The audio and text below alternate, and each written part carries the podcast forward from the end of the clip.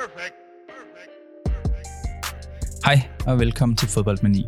Podcasten om de vildeste fortællinger fra fodboldens forunderlige verden.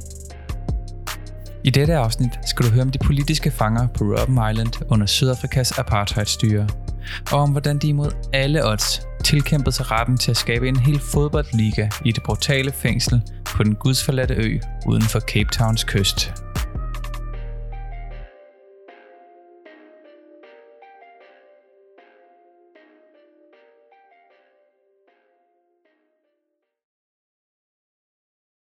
Det var en mørk nat.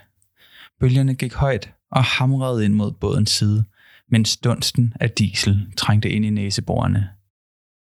Gulvet var blevet erstattet af en suppedags af havvand og bræk fra de søsyge mænd, der kæmpede for at holde den smule mad nede, de fik serveret inden den hårde tur. Fodlænkerne klirrede, hver gang nogen rykkede sig i det overfyldte lastrum. Vi befinder os i Atlanterhavet, uden for Sydafrikas spids. Et nådeløst hav med stærke strømme og mange hajer. Mændene vidste, hvor de blev ført hen. De havde hørt historier om øen, hvor spedalske, psykisk syge, syfilisramte og prostituerede blev sendt hen i 1800-tallet for at leve under kummerlige forhold til døden indtraf. Robben Island var navnet på de udstødte sø. I 1930'erne rydde militæret øen og begyndte at bygge et fort som forsvar for Sydafrikas kyst. Det, der i 30'erne skulle forsvare Sydafrika mod udefrakommende styrker, blev i 60'erne del af angrebet mod landets egne borgere, nærmere bestemt apartheids modstandere. Landets sikkerhedsstyrker overtog øen og rejste 6 meter høje pigtrådshegn rundt om det nye højsikkerhedsfængsel, der i de kommende årtier ville huse over 2.000 mænd. Bølgegangen stoppede endelig, og mændene hørte lyden af en låge, der åbnedes. De var gennemblødte af bræk, da en gruppe fængselsvagter stod klar til at modtage dem. Som du nok kan regne ud, blev mændene ikke mødt med en rød løber. Nej, de blev mødt af vagternes tilråb. Det her er øen. Her vil I dø. Hvorefter mændene blev overfaldet med køleslag og jaget ind i en lastbil. De blev kørt ind bag de pigtrådsbeklædte mure, hvor de blev smidt af lastbilen. Kort tid efter fik de stukket en tallerken med den sløjeste majsvælling, du kan forestille dig, i hånden. Flere var stadig ramte efter den hårde sejltur og kastede maden op igen, som ikke så meget anderledes ud efter en rejse tur-retur i mændenes maver. Næste stop var deres celle, som de delte med op til 60 andre medfangere. Velkommen til helvede. Vi er i året 1963. Mændene, der blev smidt af båden på, hvad der blev kaldt Djævelens Ø, havde i to årtier set deres land blive mere og mere raceopdelt. En proces, der især tog fart efter 1948, hvor det europæiske mindretalsstyre under Hollands imperium tog apartheidspolitikken til sig. I årene efter blev det gjort ulovligt for hvide og farvede at gifte sig og have sex med hinanden. Og i 1960 startede en massiv tvangsforflytning af 3,5 millioner sorte, som blev rykket til andre områder. Alle farvede mennesker i landet skulle altid have en pasbog på sig, hvor i der stod alt fra arbejdsforhold, adresse og andre personlige oplysninger. Politiet stoppede ofte uprovokeret sorte mennesker på gaden for at se deres pasbøger. De mange raceadskillelseslove fik farvede indbyggere i Sydafrika op på barrikaderne. Især pasbøgerne fik folk til at stemme sammen og demonstrere. Det førte til den tragiske Sharpeville-massakre i 1959, Vores demonstranter satte sig i protest mod pasbøgerne foran politistationen i byen Sharpeville, syd for Johannesburg. Det startede som en forsamling på 5.000 mennesker – men det tal steg hurtigt til op mod 20.000 demonstranter. Stemningen blev grimmere hos demonstranterne, og da politiet prøvede at anholde en, stak det af. Demonstranterne nærmede sig politiet, og nogle unge og uerfarne betjente begyndte at affyre skud, uden at have fået ordre til det. Det startede en kædereaktion, hvor andre betjente begyndte at skyde efter demonstranterne, der flygtede. 69 mennesker blev dræbt, heriblandt 10 børn, og yderligere 180 mennesker blev såret, mange af dem skudt i ryggen under deres flugt. Sharpeville-massakren førte til undtagelsestilstand i Sydafrika, hvor mere end 18.000 farvede mennesker blev fængslet. Heriblandt lederne af de politiske modstandspartier African National Congress, kendt under forkortelsen ANC, og dets udbryderparti Pan-Africanist Congress, kendt som PAC. Og det er de politiske fanger, som denne historie handler om. Det var nemlig den gruppe af politiske modstandere, der ankom til Robben Island på båden. Også inden for fængslets mure blev fangerne delt op. De fik tildelt forskellige kategorier efter hvad de var fængslet for. Fangerne i kategori A kunne for eksempel få aviser og endda en radio. Dem, der var i kategori B og C, fik lidt færre goder, og fangerne i kategori D fik intet. Gæt engang, hvilken kategori de politiske fanger røg i. D, selvfølgelig. Og den kategori fik de helt for dem selv. Selvom de politiske fanger ikke alle var fredelige i deres demonstrationer, var der stadig kritikere, der var. Ikke desto mindre kunne de se mordere, voldtægtsmænd og andre fanger leve under bedre forhold end dem på Robben Island. Fængslet forsøgte at skabe uro blandt fangerne ved at blande medlemmer af ANC, PAC og SWAPO. De gik ud fra, at ved at sætte dem tæt sammen, ville det skabe gnidninger og svække kampen mod apartheid. Det komplet modsatte skete. Sammenblandingen af politiske fanger fra hele Sydafrika skabte et sammenhold og en mulighed for at debattere politiske emner og lære hinandens erfaringer. Et sammenhold med apartheid som fjenden, og som styrkede fremtidens kamp mod systemet. De politiske fanger havde det hårdeste arbejde i fængslet. Hvor fanger med domme for voldtægt, drab og tyveri fik arbejde i køkkenet, kontorer eller biblioteket, så skulle de politiske fanger arbejde 8 timer i stenbruddet, ofte uden sko på. Og under den hårde arbejdsdag, så kunne de jo se frem til en lækker mad i form af en slatten portion grød. Morgen, middag, aften. Fangerne på Robben Island var ofte unge og kreative. Og i takt med, at de vendede sig til fængslets kummerlige forhold, lærte de også at skabe deres egen underholdning. Fangerne lavede terninger ud af sæbeblokke, spillekort ud af afrevne stumper papir og skakbrikker fra tømmer, der drev i land på stranden ved siden af stenbordet. Fængselsvagterne på Robben Island ønskede bare ikke, at fangerne havde det sjovt. Så de rensede ofte cellerne og smadrede alle de spil og andre underholdende genstande, som de fandt. Der var dog et spil, vagterne ikke kunne stoppe. Et spil, som var nemt at skjule for vagterne, når de lavede rasja. For ved at samle et par af fangernes t-shirts og binde dem sammen, så havde de pludselig en fodbold. Hvis vagterne kom forbi, så bandt man bare bolden op igen, og alle spor var slettet. De lange triste aftener som fange på Robben Island blev nu lyst op af glæde, og spillet tog hurtigt fart. Sengene i de tætpakkede celler blev rykket ud til siden, og så spillede de fem og otte mands kampe, mens en af fangerne holdt øje med, om vagterne kom. I 20'erne og 30'erne i Sydafrika dannede det sorte og farvede samfund et bredt net af fodboldligaer rundt omkring i landet. Fodbolden tog i den grad fart, da sorte i højere grad blev rykket ind i byerne, og klubber som Orlando Pirates, Mokone Swallows og Bucks blev stiftet. Spillerne blev superstjerner i deres samfund, og de levede højt på æren, da de fleste ikke tjente en øre på spillet. De kunne nok også godt leve lidt fra det adrenalinsus, de fik, fra at spille op mod 20.000 tilskuere, der kom for at se de bedste amatørhold spille i slutningen af 50'erne.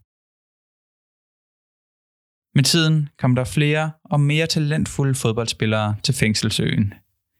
Men i 1964 var spillet helt spontant og ustruktureret. De fodboldglade aftener i 1963 plantede en drøm i hovederne på fangerne på Robben Island.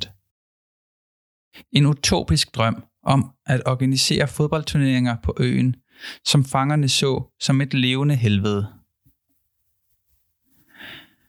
I takt med at flere talentfulde spillere ankom til Robben Island for at afzone deres straf, spredte en sult sig. Ikke bare en sult efter andet end den smattede sløje majsgrød, de fik serveret, men en sult efter mere fodbold. Det var ikke længere nok at sparke til to sammenfoldede trøjer rundt i fængselscellen. Fangerne ville have den ægte vare. Mændene vidste udmærket godt, at det var imod fængslets regler at spille rigtig fodbold på en rigtig bane. Det var jo komplet urealistisk, da de politiske fanger ikke engang måtte tale med hinanden, og ting som blyanter og brætspil var bandlyst. Da de fodboldspillende fanger fortalte andre fanger om deres planer, blev de mødt af latter. Ingen troede på dem, men de havde en plan. De havde læst på lektien og fundet muligheder i fængslets regelbog.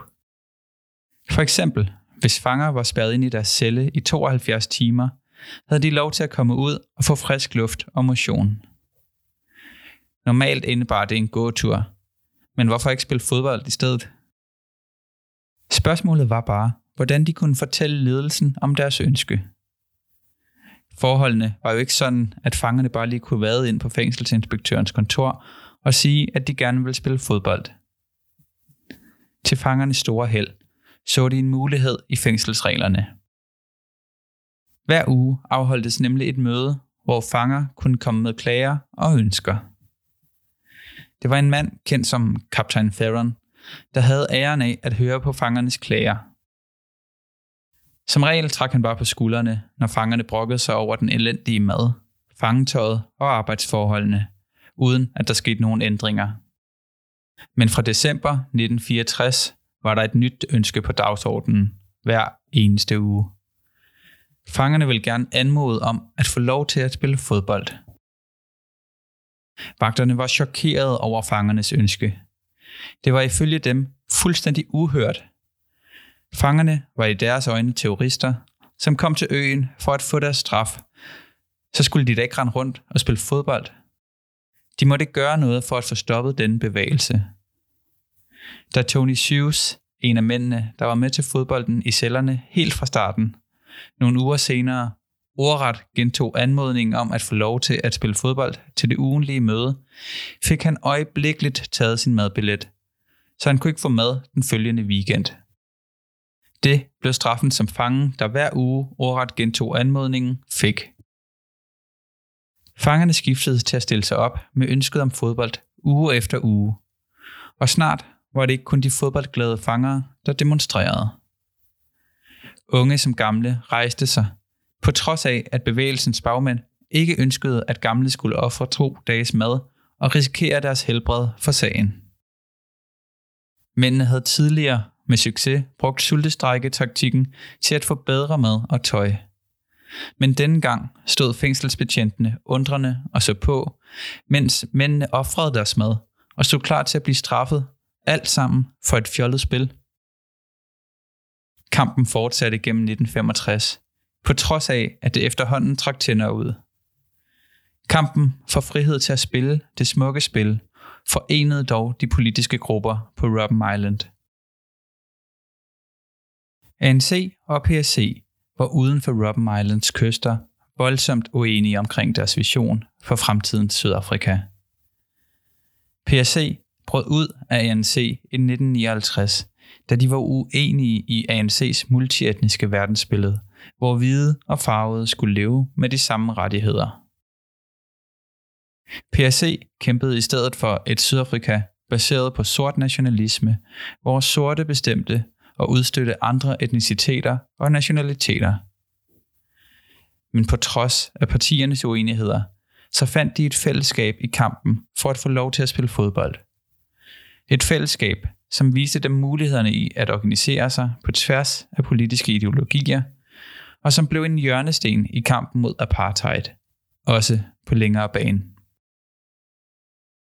Sydafrikas apartheidstyre blev bredt fordømt af verdenssamfundet, og det gik også ud over landets landshold, som kun bestod af hvide spillere. I 1961 bandlyste FIFA Sydafrika fra at spille både venskabskampe og turneringer. Den daværende FIFA-præsident, Sir Stanley Rouse, der var for kolonialismen, kæmpede en indad kamp for at fjerne den politiske indblanding i fodbold. Han var ligeglad med, at det faktisk var politisk indblanden fra Sydafrikas apartheidstyre, der sagde, at der kun måtte være hvide mennesker på landsholdet. I 1963 lykkedes det også Stanley Rouse at løfte FIFAs forbud mod Sydafrikas landskampe, efter at han personligt var taget til Sydafrika for at vurdere situationen. Hans konklusion var, at landets farvede spillere var glade for måden, det foregik på. En konklusion, han kom frem til efter et kort møde med mænd, der var blevet godkendt af regeringen til at udtale sig. At farvede fodboldspillere var glade for situationen og de forhold, de blev tilbudt, var nok ikke det svar, FIFA-præsidenten havde fået, hvis han besøgte fangerne på Robben Island. Det blev dog også en kort fornøjelse på den internationale scene for Sydafrikas hvide landsholdsspillere.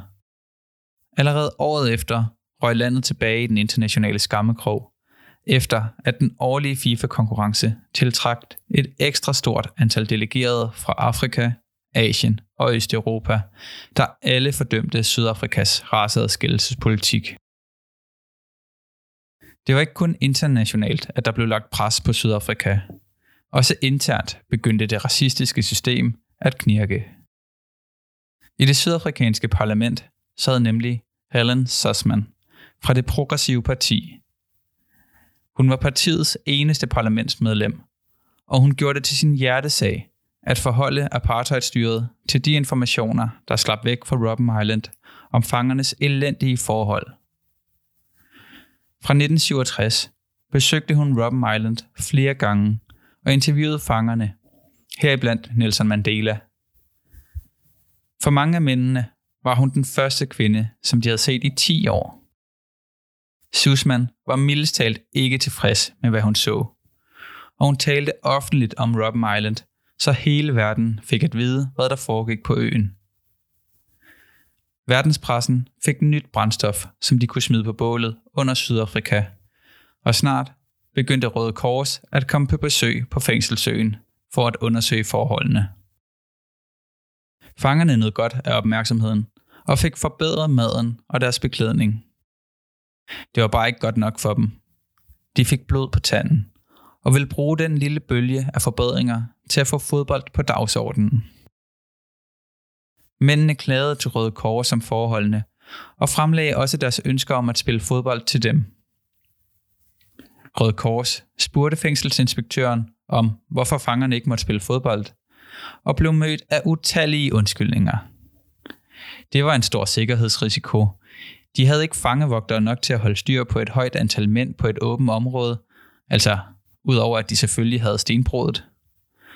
Der var ingen fodboldbane. Fangerne havde hverken støvler eller tøj til det. Og pludselig var fangernes helbred et problem, da de ifølge fængselsinspektøren var for svage til den fysisk krævende sport. Men åbenbart ikke svage nok til ikke at arbejde 8 timer om dagen med at hakke sten i stenbruddet.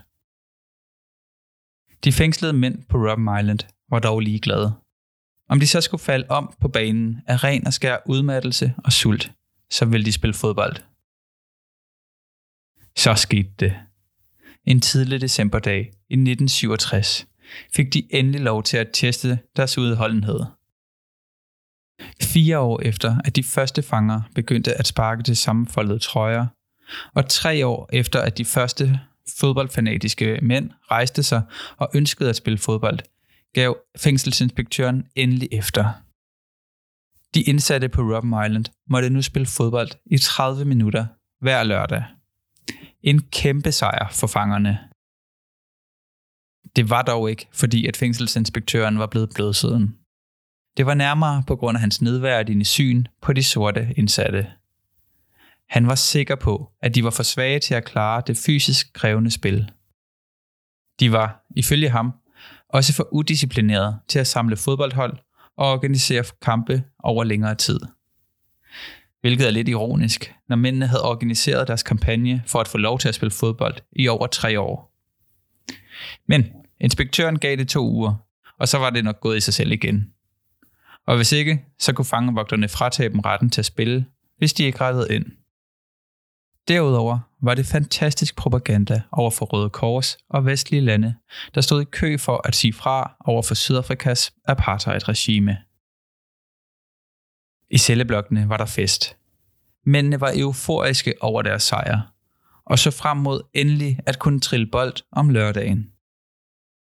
En blæsende lørdag morgen i december blev dagen, som de indsatte havde ventet på.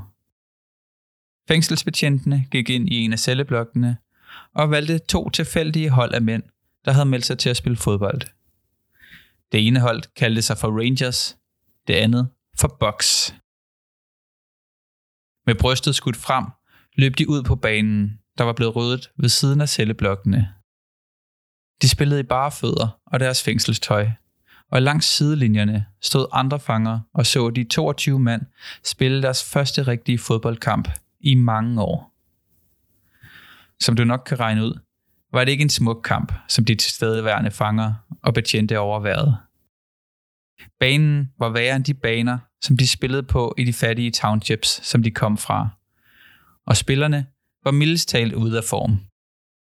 Deres teknik havde også brug for en finpudsning, efter de ikke har sparket til en rigtig bold i 3-4 år. Så det blev en kamp præget af dårlige afleveringer og sene taklinger. Men det var alt sammen ligegyldigt, for nu kunne mændene endelig spille fodbold igen. Selvom der i dag ikke vides, hvad stillingen var, da den 30 minutter lange kamp blev fløjtet af, så er én ting sikkert. Alle mændene gik fra banen som vindere. Snart fandt fængselsinspektøren ud af, at hans spådom om, at fodbolden ville løbe ud i sandet efter to uger, var helt ved siden af. Spillet på banen var stadig dårligt, men fangernes morale var bedre end nogensinde. Fangerne, der var tilskuere til kampene, begyndte at lave bannere og hyldestsange til deres yndlingshold. Der blev lavet mål af træstykker og fiskenet, som skyllede op på Robben Islands stranden. En af fangerne, som var skomager, før han blev fængslet, satte knupper i fangernes sandaler, som ellers bestod af gummi fra bildæk. Snart havde de stablet en liga på benene, med kampprogram og det hele. Holdene tog det seriøst, og når fangerne kom hjem til cellen efter deres lange arbejdsdage i stenbrudet, gik træningen i gang. En af fængslets mest talentfulde spillere, der gik under kælenavnet Pro for sit talent, stod for træningen af nogle af spillerne. Den foregik på celleblokkens badeværelse, for ikke at genere de indsatte, som ikke interesserede sig for fodbold. Træningen startede typisk med 30-40 minutters fysisk træning, hvor spillerne skulle løbe på stedet, lave squats og andre øvelser, før de øvede driblinger, afleveringer, skud og taklinger. Der var fuld dedikation og intet brok, selvom de lige var kommet hjem fra stenbordet. Fodbolden gav et kæmpe boost til de indsatte, men de stillede sig ikke tilfredse med, at vagterne valgte to forskellige hold, der måtte spille en halv time om lørdagen. De ville have mere. De forhandlede ivrigt med vagterne om at få lov at spille længere, og i takt med, at de fik lov til det, fik de mere blod på tanden. De ville selv vælge holdene, og på sigt lave klubber. FIFAs regelbog blev fuldt til punkt og prikke af de fodboldglade mænd, og de begyndte endda at uddanne dommere til kampene. Fodbolden samlede de politiske fanger på tværs af ideologiske kløfter, og sammen lavede de et manifest, som fastsatte reglerne for fodbold på Robben Island. Hver klub skulle vælge en præsident, en generalsekretær og delegerede. De lavede komitéer, der skulle observere driften af klubberne og fodboldforbundet. Fødslen af Robben Islands fodboldforbund var dog ikke uden problemer. For de dybe politiske skæld mellem grupperne skabte ophedede diskussioner og mistanker om, at rivaliserende klubber ville kuppe forbundet. De første syv fodboldklubber, Rangers, Bucks, Hotspurs, Dynamos, Ditchichiti, Black Eagles og Gunners, var alle dannet på baggrund af politiske partier. Det varede dog ikke længe, før en 8. klub meldte sig ind i ligaen. Manon FC, anført af tidligere nævnte Tony Hughes. Manon FC var den første klub, som udvalgte spillere, ligegyldigt hvilket politisk tilhørsforhold de havde. Hughes var udmærket klar over, at de havde en klar fordel, da de nu frit kunne vælge mellem alle spillere i fængslet. Fodboldforbundet afholdte utallige møder i celleblokkene og i stenbrødet. Og til et af møderne kom Tony Hughes med forslaget, at forbundet skulle hedde Margini Football Association. Margini betyder sten, og navnet kommer af de mange møder i stenbruddet. Målet med Margini FA var at inddrage så mange af de politiske fanger som muligt i fodboldens smukke verden. Sporten skulle være for alle på tværs af alder, talent og ideologi. Derfor skulle alle klubberne have et A, B og C-hold. På A-holdene spillede folk som Tony Hughes, Mark Schinners, Pro Malepe og Benny Ntoele, mænd, som alle vil kunne spille med på nogle af Sydafrikas bedste sorte hold. B-holdene bestod af spillere, der havde et okay talent, mens C-holdene var for begyndere og ældre mænd, som bare ville have det sjovt med bolden. Fodbold skulle være for alle. De gode tider kunne dog ikke fortsætte for evigt. Fangerne på Robben Island vidste godt inderst inde, at deres store passion og glæde over fodbold var et nyt våben i fængselsbetjentenes arsenal. Fængselsbetjentene kunne nu også fratage dem retten til at spille fodbold, hvis fangerne ikke adlød ordre. Og det var lige præcis, hvad de gjorde. I 1967 kom der en ny ledelse i fængslet, og den var ikke tilfreds med fangernes sladren til Røde Kors om forholdene på øen under organisationens besøg. Flere løsladte fanger, der havde afsonet kortere domme på 2-3 år, fortalte også åbenhjertet om deres oplevelser. Beretninger, som gik verden rundt.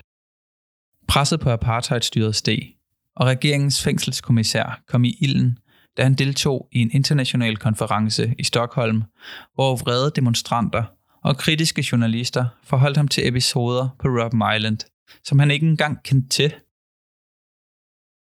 En lørdag morgen i februar 1968 stod de fodboldentusiastiske fanger klar til at komme ud af celleblokkene og spille den ugenlige omgang bold. Klokken var 10, og de ventede utålmodigt på, at vagten skulle komme og lukke dem ud. Der skete dog ikke noget, og efter lidt tid spurgte de vagten om, hvorfor de ikke kom ud. De fik svaret, at fodbold var aflyst den dag, fordi de var underbemandede på grund af sygdom. Den undskyldning blev i stigende grad brugt uge efter uge, og kun en sjælden gang imellem fik nogle fanger nu lov til at komme ud og spille bold. Vagterne satte dog også en begrænsning for tilskuerne. Under de få kampe, der nu blev afholdt, fik fangerne heller ikke lov til at spille i fred, uden at en af vagterne jævnligt løb ind på banen og lossede bolden væk. Grunden til den elendige behandling var verdenspressens dårlige omtale af fængslet. Røde Kors og kritiske journalister var dog også grunden til, at fængslet ikke afskaffede fodbold fuldstændig igen, da det bare ville smide endnu mere branden på bålet. Men fangernes reaktion på fængslets nye strategi fik vagterne til at undre sig. En lørdag i april 1968 åbnede vagterne cellerne og sagde, at det var tid til at spille fodbold. Fangerne bevægede sig ikke ud af flækken, kiggede iskoldt på vagterne og sagde, ingen fodbold i dag. De indsatte mænd ville ikke lade sig køre rundt i manesien af de dominerende vagter. De var klar på at tage kampen op endnu en gang og kæmpe for, at fodbold på øen var på deres præmisser. Det var ikke en let kamp, for nogle af fangerne så det som et stort nederlag og ønskede bare at gå ud og spille bold, når vagterne gav dem lov. Kampen blev dog taget op, og det kan tælles på én hånd, hvor mange fodboldkampe, der blev spillet det næste år. Kampen for den korte følelse af frihed på den havede bane var ikke den eneste, som fangerne havde på dagsordenen. Maden, de fik langet over disken morgen og aften, var fortsat helt forfærdelig. For hver uge, der gik, steg antallet af indsatte, der var sultestrækket for at få bedre mad, til en sådan grad, at mændene blev afkræftet og kom i livsfare i deres protest. Selvom apartheidstyret så Robben Island som et værktøj til at nedbryde mændene og deres morale, så så det heller ikke godt ud over for Røde Kors og verdenssamfundet, at fangerne døde. Snart fik de indsatte mænd også hjælp fra en uventet kant. Efter en af mange sultestrækker var mændene afkræftet og ved at bukke under, da de unge fangevogtere stillede sig på deres side. Apartheid-systemet inddelte nemlig ikke kun mennesker efter hudfarve, men også alder og status. De unge vagter begyndte at boykotte fængslets kantine, da de også fik betydeligt dårligere mad end de ældre og gifte vagter. Til sidst fik de unge vagter forbedret deres måltider betydeligt ved at stå sammen om deres protest. Solidaritet inspireret af de indsattes kamp for bedre forhold. Hændelsen gav de indsatte et stort moralsk boost i deres fortsatte protester. De indsattes mad blev i løbet af 60'erne forbedret en smule af gangen. Men fodbolden var en næsten lige så vigtig del af mændenes liv. Efter et års boykot af fodbold på vagternes præmisser, fik Robben Island endnu en gang en ny ledelse. På grund af omverdens pres på Sydafrikas regering, blandt andet over Robben Island, lempede styret lidt på fængslets hårdhed over for de indsatte. Styret ville vise, at øen, der havde fået tilnavnet Djævelens Ø i verdenspressen, ikke var så slem, som den så ud. Og hvis det, at fangerne måtte spille fodbold, hjalp på det, så var det en lille offring. De indsatte var lykkelige. Deres fodboldbane var stadig elendig. Men for dem må det have føltes som at betræde Wembley, da de igen kunne organisere deres fodboldliga. I den næste tid debatterede holdene, hvordan fodboldforbundets nye forfatning skulle være. Det helt centrale i den nye forfatning var, at forbundet skulle følge FIFA-standarder til punkt og prikke. Det var ikke for sjov. Robben Islands fodboldliga var bundseriøs. Det krævede dog lidt kamp at få FIFAs regelbog ind i fængslet. Takket være hjælp fra Røde Kors fik fængslet en lille bibliotek, hvor en slidt FIFA-håndbog stod ved siden af Bibelen. Løbende fik fangerne også lavet en aftale med universiteter om at donere bøger til fængslets bibliotek. Den nye forfatning var ikke det eneste på dagsordenen. Mændene var trætte af det oprindelige navn, de gav fodboldforbundet. Margeni, som betød sten, mindede dem for meget om deres hårde hverdag i stenbruddet, hvor ung som gammel havde en kvote af sten, de skulle hugge, ellers fik de piskeslag. De var kommet på et meget bedre navn. Det nye navn, Makana Football Association, blev enstemmigt vedtaget. Forbundet var nu opkaldt efter Shosa-folkets profet, der gik i krig mod britterne i 1819, efter at en britisk oberst tog 23.000 kvæg fra dem. Profeten Makana tabte krigen og blev sendt til Robben Island, som dengang var noget mere primitiv. Makana anførte et flugtforsøg med 30 andre fanger over det barske og hejfyldte Atlanterhav mod Sydafrikas kyst. Han endte dog sine dage under flugtforsøget, da båden de flygtede i kendrede, og han druknede. 150 år efter Makanas død blev hans eftermæle genoplevet på den ø, som Shosa-profeten flygtede fra. Fængslets vagter vidste ikke, hvem Makana var, men det gjorde de indsatte. Han var manden, der kæmpede mod det udefrakommende overherredømme, og som ville føre sydafrikanere væk fra Robben Island og tilbage til det Sydafrika, der skulle blive deres igen. Fodboldens tilbagevenden på øen skabte stor glæde hos fangerne. De var klar til at tage sporten og seriøsiteten videre til det næste trin. De dannede en dommerforening, hvor interesserede kunne uddanne sig til at holde styr på de passionerede spillere under kampene. På daværende tidspunkt var uddannede dommere forbeholdt de bedste rækker rundt omkring i verden. Og de lavere rækker måtte nøjes med, at en træner eller tilskuer tog fløjten i munden men på Robben Island skulle det gøres ordentligt. Makana FA var noget helt for sig selv. Normalt hentes fodbolddommer ind fra andre byer end dem, som de to hold, der mødes, kommer fra. Den var lidt svær at få til at ske i det brutale fængsel uden for Sydafrikas kyst. Der delte spillere fra de forskellige hold og dommerne ofte celle. Prøv at forestille dig, at du har spillet en hektisk kamp, hvor bølgerne går højt, og du føler dig bortdømt af dommeren. Og du så efter slutfløjt bliver sendt tilbage til den celle, du deler med 60-80 andre, for at kunne lægge hovedet på puden en halv meter fra dommeren, du følte dig snydt af. Med hjælp fra Røde Kors fik holdene fodboldtrøjer, og snart var ligaen klar til at blive sparket i gang. Holdene trænede intenst i tiden op til dommernes første fløjt. Problemet var bare, at holdenes spillere ofte var opdelt i forskellige celler. Så hvordan kunne de træne sammen? En risikabel strategi blev flittigt brugt, hvor et hold spillere stillede sig i samme gruppe, når arbejdsdagen i stenbruddet var slut, og de skulle føres tilbage til cellerne.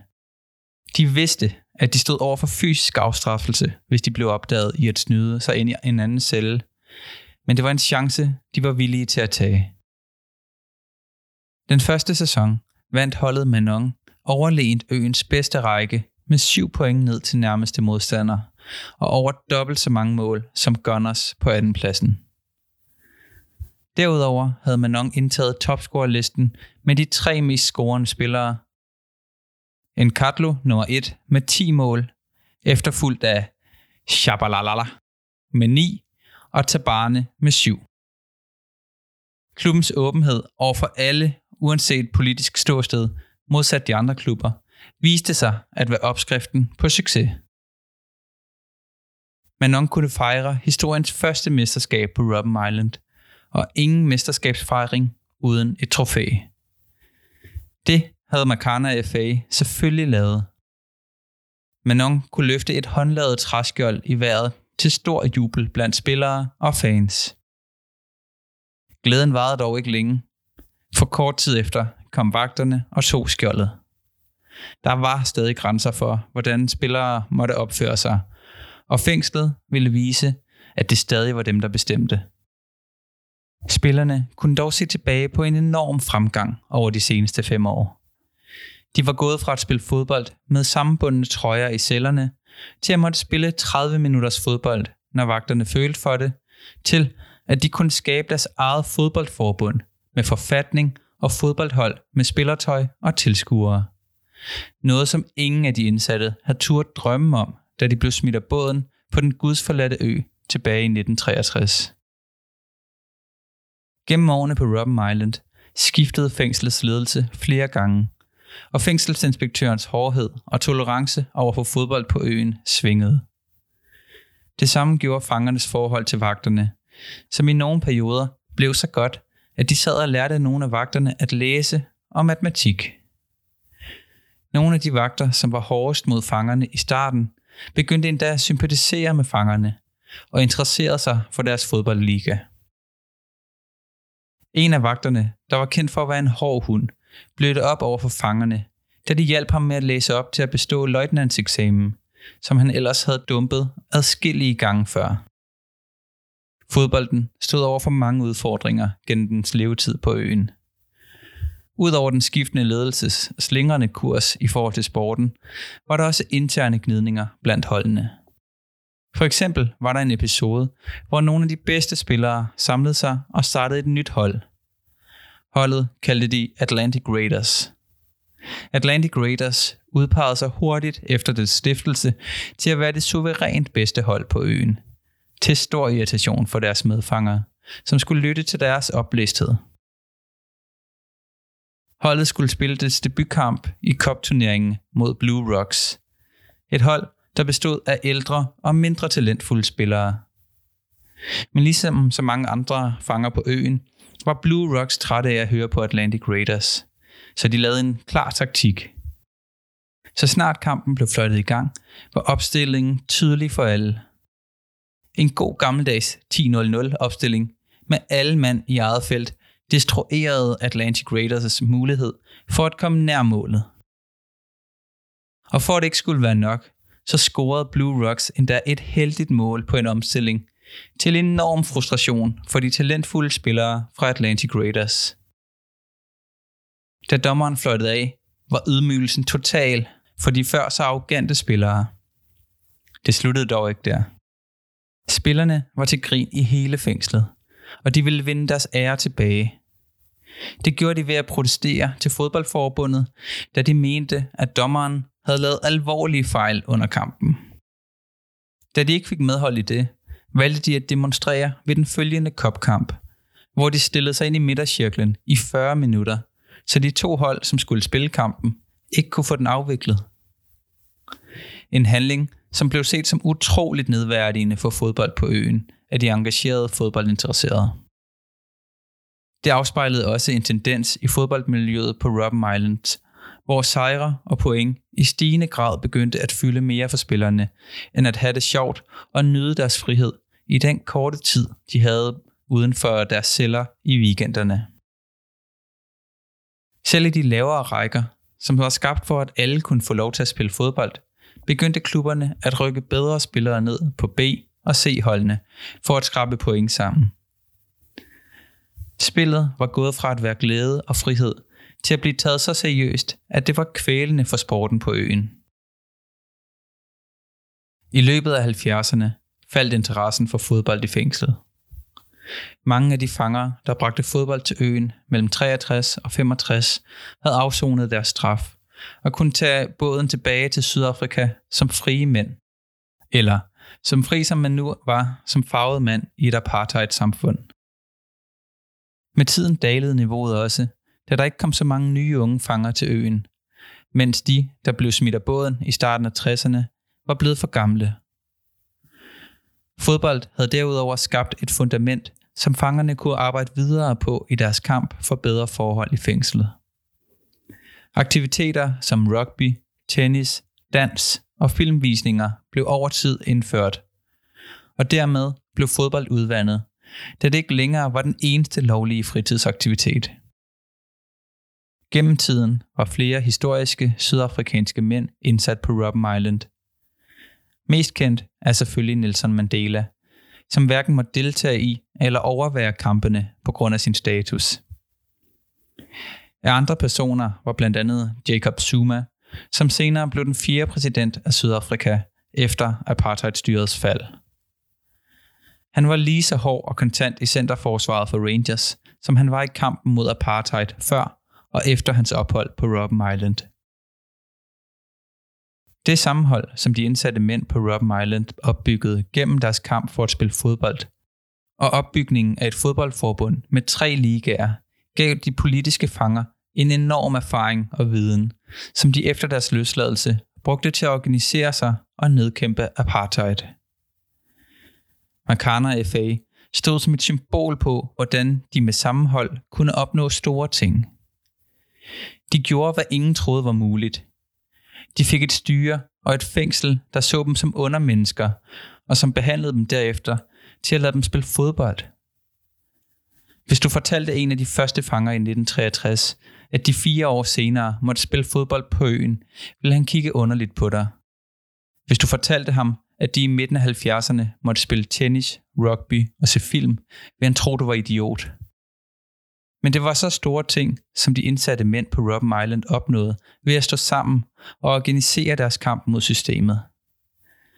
Det var blandt andet den kamp, der gav mændene erfaring i at bekæmpe det undertrykkende apartheidstyre, efter de blev løsladt. Og det var den erfaring, der banede vejen for, at Nelson Mandela i 1994 ved sin indsættelsesceremoni som Sydafrikas første sorte præsident kunne sige disse udødelige ord. We understand it still that there is no easy road to freedom. We know it well that none of us acting alone can achieve success. We must therefore act together as a united people for national reconciliation, for nation building, for the birth of a new world. Let there be justice for all. Let there be peace for all. Let there be work, bread, water, and salt for all. Let each know that for each the body, the mind, and the soul have been freed to fulfill themselves. Never, never, and never again shall it be that this beautiful land will again experience the oppression of one by another and suffer the indignity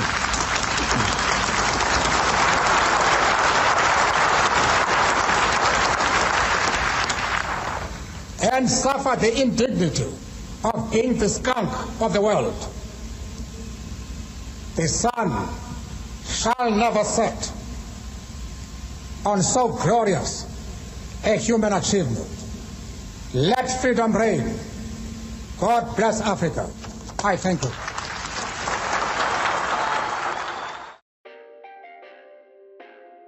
Hvis du vil høre flere vanvittige fodboldhistorier, så følg Fodboldmini der, hvor du hører podcasts, og følg også øh, Fodboldminis sider på Facebook, Twitter og Instagram.